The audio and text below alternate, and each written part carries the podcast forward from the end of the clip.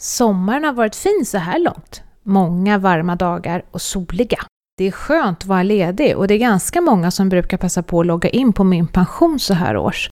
Kanske är det för att kolla om det går att gå i pension snart så att semestern inte behöver ta slut. Även om januari fortfarande är den populäraste månaden att börja att ta ut sin pension på, så är det inte helt ovanligt att börja sin pensionärstillvaro mitt i sommaren. Kanske just i samband med semestern. Och det kan faktiskt vara bra på flera sätt. Det ska vi prata om i dagens avsnitt. Du lyssnar på Min Pensionspodden. Nu kör vi igång!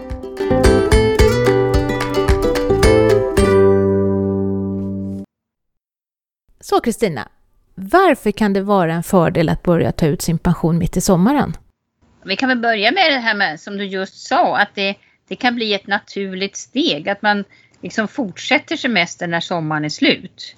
Och det tror jag är, alltså känslomässigt kan ju det vara smart. Man liksom varvar ner först och sen fortsätter man som pensionär. En mjuk övergång. Mm. Först så känns det som vanlig semester och ja, och så behöver man inte varva upp igen. Nej, men sommaren fortsätter ju inte när hösten kommer.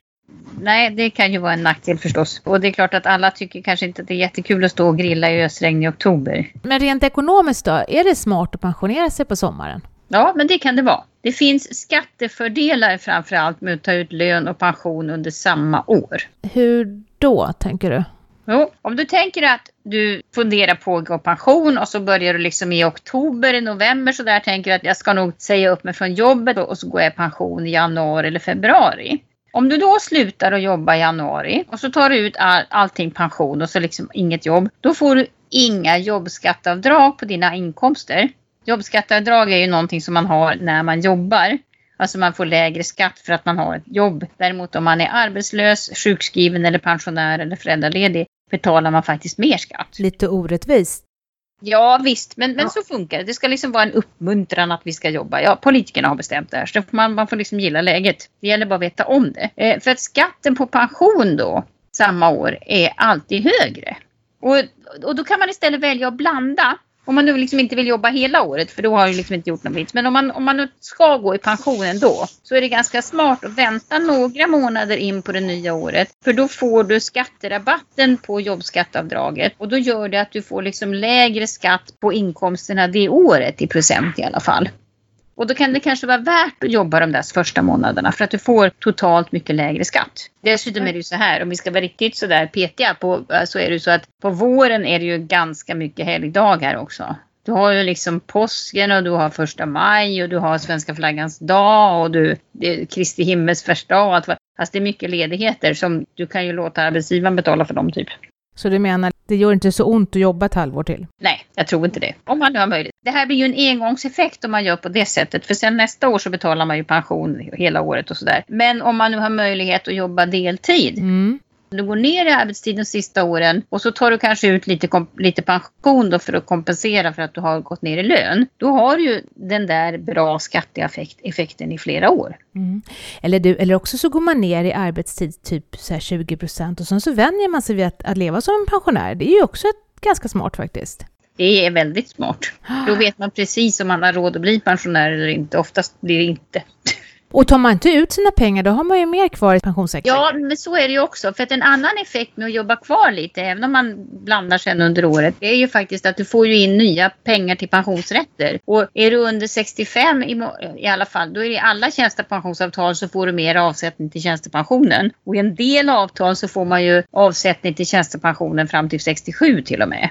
Så att du får så att säga mer pension också för varje månad du väntar. Så att det, det är en dubbel effekt faktiskt. Det är ju superbra. Men spelar det någon roll hur gammal man är när man börjar ta ut sin pension då? Du brukar ju säga att skatten sjunker det här året när man fyller 66 år. Alltså det året man fyller 66 är det va?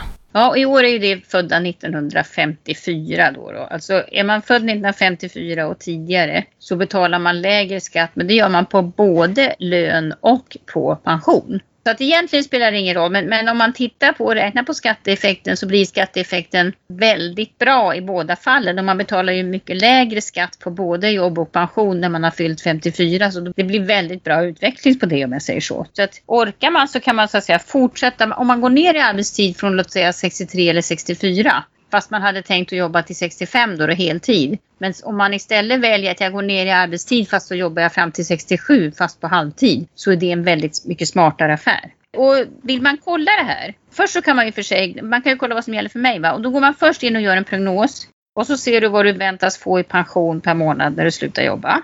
Låt säga att du ska få 20 000 då, då. Och sen går du in på Skatteverkets hemsida och så kan man skriva in i den här sökfunktionen och räkna ut skatt. För där finns det just hos dem då en jättebra räknesnurra. Och så räknar man in, skriver man in att jag ska jobba då, jobba ett halvår så ska jag få den här lönen och sen det andra halvåret så ska jag få pensionsinkomster. Och då får du den totala skatten för just dig. Och sen kan du ju faktiskt jämföra då och se vad som skulle hända om du inte hade jobbat eller om du jobbar lite längre. Du får svart på vitt och får ta ställning till vad du får kvar i plånboken och inte om det är bra eller, bra eller dåligt för dig. Du blir positivt överraskad, alltså hur, hur lönsamt det är att jobba. Ja, det låter bra.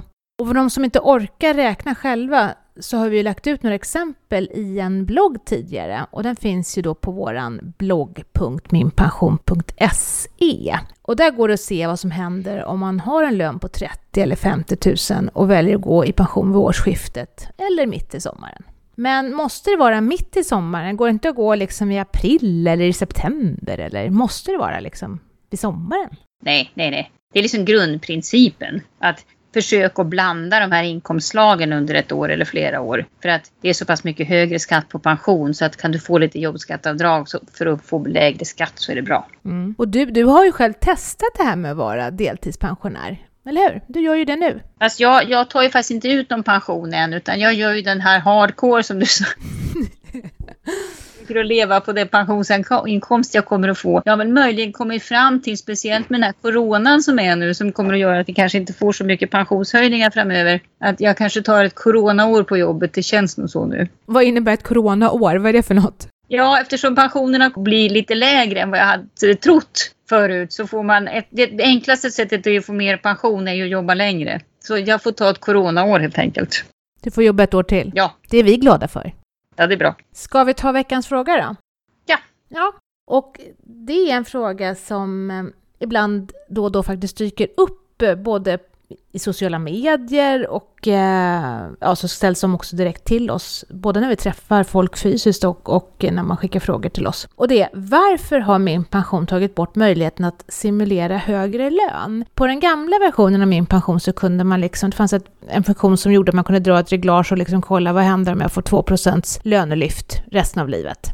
Eh, men den där finns inte kvar längre. Varför inte det? För att det blev så tokigt. Det här är svårt pedagogiskt att förklara men, men vi provar. Alltså de pensioner som vi visar på min pension, de är ju tänkta att det är just som de priser och löner och sånt som är idag. Så att om det står att du har liksom 20 000 i pension, det är ju som att du skulle fått den pensionen just idag. Men om du är väldigt ung och när du faktiskt blir pensionär, då kommer inflation och sånt och, och löneökningar och sånt göra att din pension liksom i kronor räknat, den kanske är typ 40 000 istället då. Men det här syns ju inte i verktyget för det skulle bli så, så svårt att förstå. Jaha, att jag får 40 000 i pension, skitbra, det är bara lugnt, jag kan gå i pension vid 35. Det här blir ju väldigt konstigt så att vi har för att pedagogiskt att man ska förstå att så här mycket pension kommer jag för, få i förhållande till den lön jag har. Så säger vi att vi visar pensionsprognosen i dagens penningvärde. Det är Det ena. Alltså det innebär egentligen då att man inte får någon tillväxt på lönen utan vi utgår då från att lönen växer ungefär som inflationen, vilket den nog brukar göra över tid och så får man lite värdeutveckling på sina pengar. Men då måste man ju räkna bort inflationen på värdetillväxten på pengarna också. Och därför så även värdetillväxten i prognosverktyget är ju mycket lägre än, jag menar går man till banken och frågar liksom, ja men ungefär hur mycket kommer mina fonder att växa varje år så kommer de att säkert säga, ja som 7-8 procent. Och det kommer de säkert att göra. Men om man säger så här då, ja hur många liter mjölk kommer jag få för de där 7-8 procenten? För mjölkpriset stiger ju också. Så att det kanske är så att eftersom prisökningen äter upp en del av värdeutvecklingen så blir värdeutvecklingen per år inte alls lika hög som man tror. Och därför så, så för att inte det skulle bli tokigt och alla säger ja men jag får ju 2% lönelyft varje år. Fast det får man ju inte eftersom vi räknar bort inflationen i verktyget. Så har vi sagt att ska man bestämma sig för att jag ska få högre lön. Jag vill liksom testa vad händer om jag får ett lönelyft med 5 000 spänn. Eller att om 10 år så kommer jag ha 50 000 i lön. Lägg in den lönen istället i vårt simulatorverktyg. För då blir det mera rätt. Precis. Mycket bra förklarat tycker jag. Och sen så har vi ju en prognosstandard som vi använder och den, där räknar vi med att, att, att lönerna går upp med 2% per år. Ja, det gör vi. Fast vi nollar lönetillväxten egentligen för att det ska, den växer med inflationen. Medan däremot utvecklingen på kapital, alltså aktier och fonder och sånt, där säger vi att den tillväxten är 2,1 procent per år. Och det har ju ett gäng såna här aktuarier, försäkringsmatematiker suttit och grunnat på tillsammans. Så att eh, det är väl förmodligen rätt bra genomtänkt. Vi får hoppas det. Och eh, nu är det så att vi kommer faktiskt ta sommarledigt nu du och jag. Ja. Ja. Vi hoppar över några avsnitt och är tillbaka först i slutet av augusti med nya fräscha avsnitt. Så vi får väl bara helt enkelt önska alla en riktigt skön och lång och varm sommar. Den har ju börjat väldigt bra i alla fall. Den har börjat väldigt bra. Och så var inte för nära varandra och allt det där andra så syns Nej. vi nu i höst också. Fast ja. att vi inte behöver prata så mycket corona i höst heller, det vore väl skönt. Ja, det vore jätteskönt att slippa det. Då önskar vi alla en riktigt skön sommar. Ja, ha så skönt.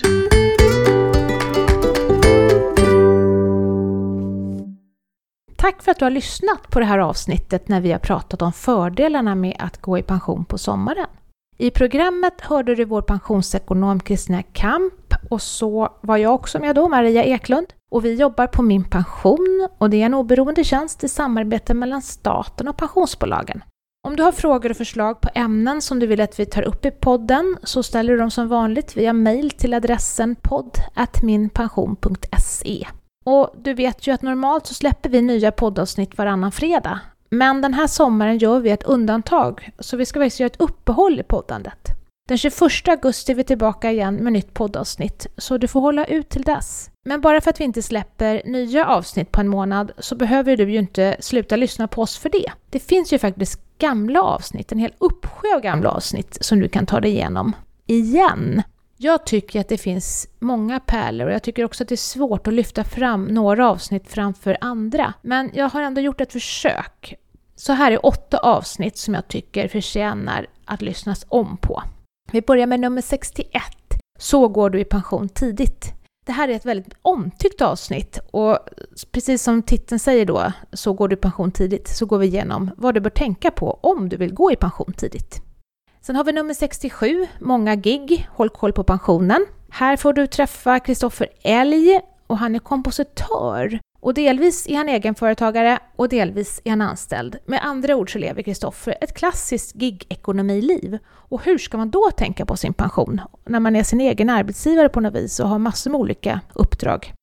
Sen så är det två poddar som egentligen går i samma anda som jag vill lyfta. Dels är det nummer 53, där vi träffar gamla liberalpolitikern, hon är inte gammal, men hon är för detta liberalpolitiker, Birgitta Olsson och Katarina Lundahl från Unionen. Och tillsammans med dem så pratar vi om jämställda pensioner. Och sen är det också nummer 69 som heter Undvik fattigpensionärsfällan. Och i det avsnittet så träffar vi Britta Byrå och Britta är VD på KPA Pension.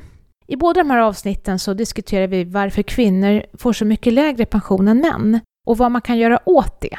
Så att nummer 53 och nummer 69 vill jag lyfta.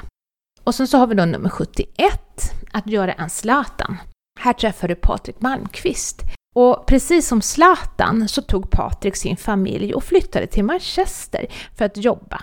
Och i avsnittet går vi igenom vad man behöver tänka på när det gäller sin pension innan flytten. Och också vad man behöver tänka på när man kommer hem till Sverige igen. Jag tror inte Zlatan kanske behöver tänka så mycket, men Patrik behövde i alla fall tänka när han flyttade. Sen har vi nummer 89, går att spara hållbart till pensionen. Det är ju i ropet såklart. Karina Silberg är Alektas hållbarhetschef och i det här avsnittet så förklarar Karina väldigt pedagogiskt och bra hur man ska tänka för att spara hållbart långsiktigt. Och eh, Karina berättar också, förklarar konstiga termer och så som man ska ha koll på så att man förstår hur man ska tänka och vad man ska göra. Lyssna på det, nummer 89. 105. Pensionstänk under småbarnsåren. Det här är ju ett favoritavsnitt tycker jag. Det är småbarnspappan Arvid och han delar med sig av sina tankar kring småbarnsåren och pensionen. Han är väldigt generös med eh, vad han delar med sig av. Han berättar om hur han och hans hustru tänkte kring deltiden och hur de kompenserade varandra för att den ena parten var hemma längre med barnen än den andra. Ja, ett väldigt bra avsnitt faktiskt att lyssna på. Det finns inga rätt eller fel. Sen har vi nummer 107. Hur mycket pengar behöver en pensionär? Det är ju en favorit det här. Det är ju faktiskt så att det är inte bara inkomsterna som är viktiga när man blir pensionär, när man ska gå från att ha en inkomst ena dagen till en annan dagen efter, utan det är också viktigt att hålla koll på utgifterna. Och det är ju faktiskt någonting som man behöver fundera på den dagen som man står inför att ta klivet och gå i pension. Ja, det var mina åtta favoritpoddar. Så nu vill jag bara säga, njut nu av bad, av sol, av glass och lata dagar. Och så kommer vi höras igen hoppas jag när hösten kommer. Var rädd om dig till dess och ta hand om din pension. Ha det bra. Hej!